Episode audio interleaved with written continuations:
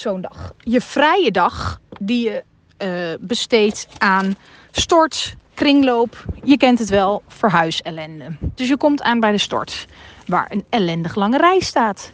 Vervolgens bij de kringloop, waar ook een ellendig lange rij staat. Ik weet niet, hebben jullie dat ook? Dan doe je de was en dan haal je de sokken eruit en dan mis je sokken. Dan heb je gewoon sommige paardjes niet compleet. Hoe dan? Waar blijven die sokken? En hoe, dan gooi je er op een gegeven moment ook weer een paar weg waarvan je denkt, ja, die zijn kwijt. En dan komen er weer nieuwe. Er zijn altijd sokken kwijt. Wat gebeurt hier? Wat gebeurt hier? En waarom kunnen sokken niet gewoon bij elkaar blijven? Blijf bij elkaar. Dat is veel gezelliger. Je hebt ook nog twee pakketjes in je auto liggen die je retour moet sturen. Maar dan zie je, hé, hey, wat handig. Die ene waarvan ik dacht dat hij naar PostNL moest, kan ook naar DHL. En daar moest ik toch al heen. Op de sticker staat gewoon PostNL of DHL. Kan allebei, super chill. Oké, top. DHL-punt zoeken. Nou, komt goed uit. Zit vlakbij de Albert Heijn. En ik moest nog boodschappen doen, dus scheelt weer een stop. Perfect. DHL.1. Dicht. Oké, kut. Ik ga naar het volgende DHL-punt. Kom je aan bij het winkelcentrum, is er markt. Is het tering druk. Maar je denkt, dit DHL-punt zit bij de HEMA en de HEMA zit helemaal aan de buitenkant van het winkelcentrum. Dus ik zet de auto wat verder weg. HEMA weg. Hoezo is de HEMA weg? Wat is dit? Het hele winkelcentrum door voor de nieuwe HEMA. Die zit helemaal toch aan de andere kant. Hele markt over. Alles ellende. Oké, top. Sta je daar? Nee, dit pakketje is toch echt PostNL? Dat kan ik echt niet hier scannen.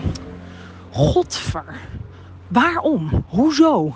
Weer het hele winkelcentrum door met dat ene kutpakketje wat per se naar PostNL moet.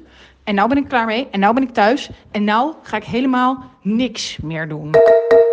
Nou, ik kan me dus voorstellen dat uh, als je in een nieuwbouwwijk uh, komt wonen die nog uh, gebouwd wordt, dat het voor de afval-ophaaldiensten soms lastig is om te weten waar ze wel moeten komen en waar ze niet. Sommige gedeeltes van de wijk zijn nog afgesloten, andere delen zijn open. Kan me voorstellen dat dat best wel lastig is.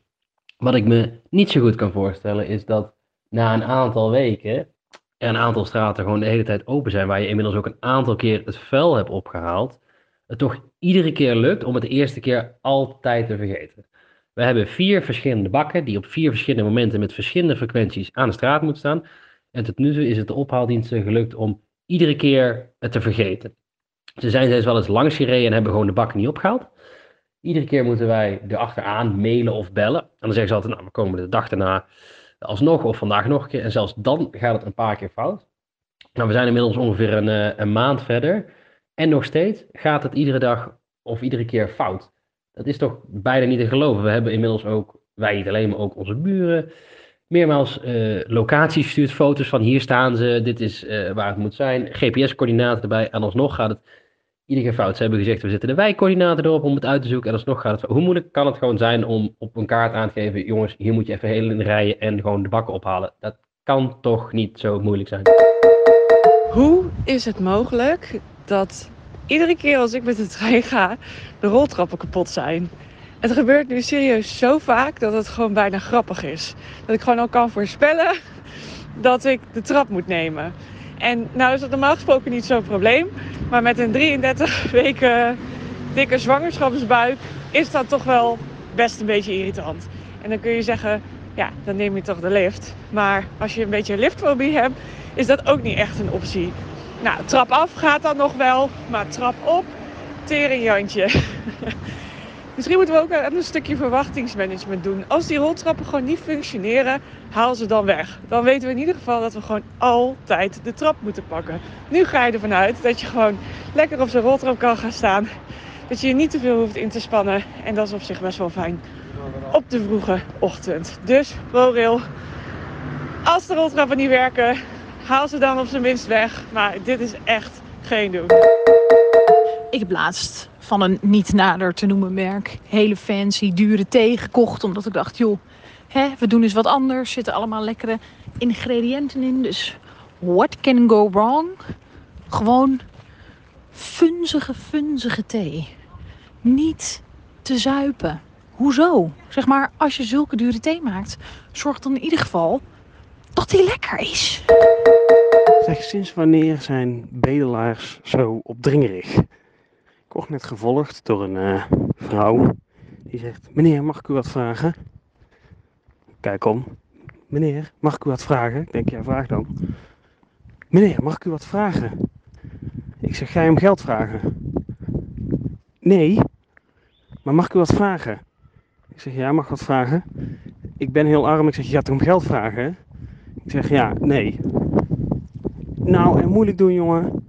Dus sorry hoor, ik wil niet lullig doen, maar eh, bedelen is tot, tot dan hier aan toe. Ik bedoel, je kunt in Nederland gewoon eh, op andere plekken terecht, geloof ik. Maar doe even niet zo opdringerig. En voor de tweede keer op één dag op een ander station de pakking roltrappen kapot. Hou op met me.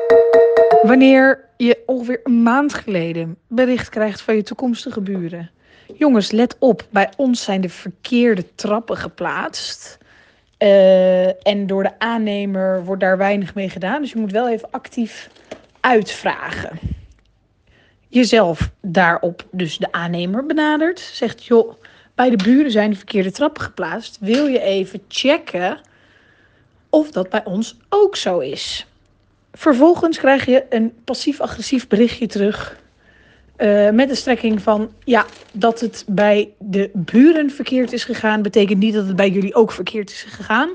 Dus bij jullie is alles gewoon goed. Daarna heb je, nou, laten we zeggen drie weken daarna, de officiële kijkdag van je huis. Zes weken voor de oplevering. En het eerste wat je ziet is, jawel, de verkeerde trappen zijn geplaatst. Hoezee, het is weer zover. De Streamers heeft natuurlijk afgelopen jaar een aantal heel leuke concerten eh, gegeven die ze dan eh, online uitzenden via een livestream.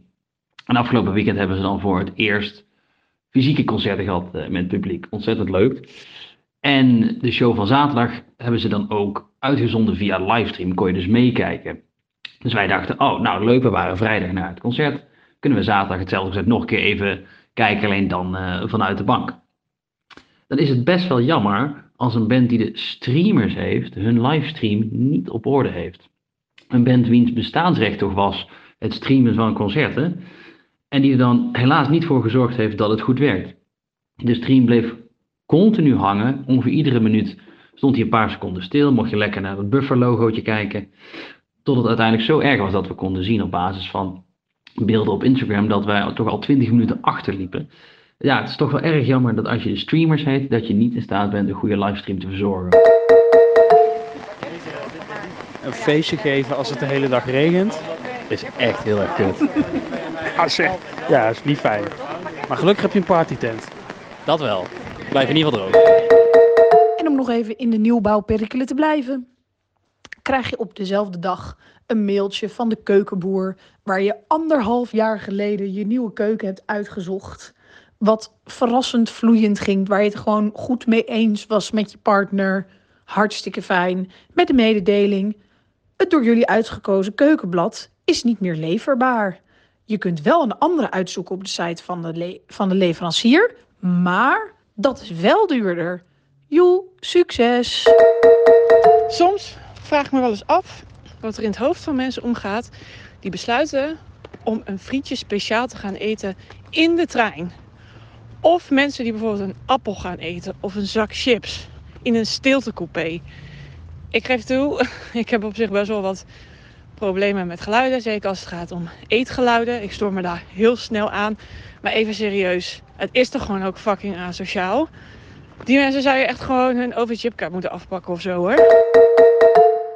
Wat dus echt bloedirritant is, is als mensen dan naar je podcast luisteren, maar niet even gewoon abonneren, eh, even liken, even een mailtje sturen naar gezeik.zijkast.nl. Dus eh, ik zou zeggen, doe gewoon even abonneren op deze podcast.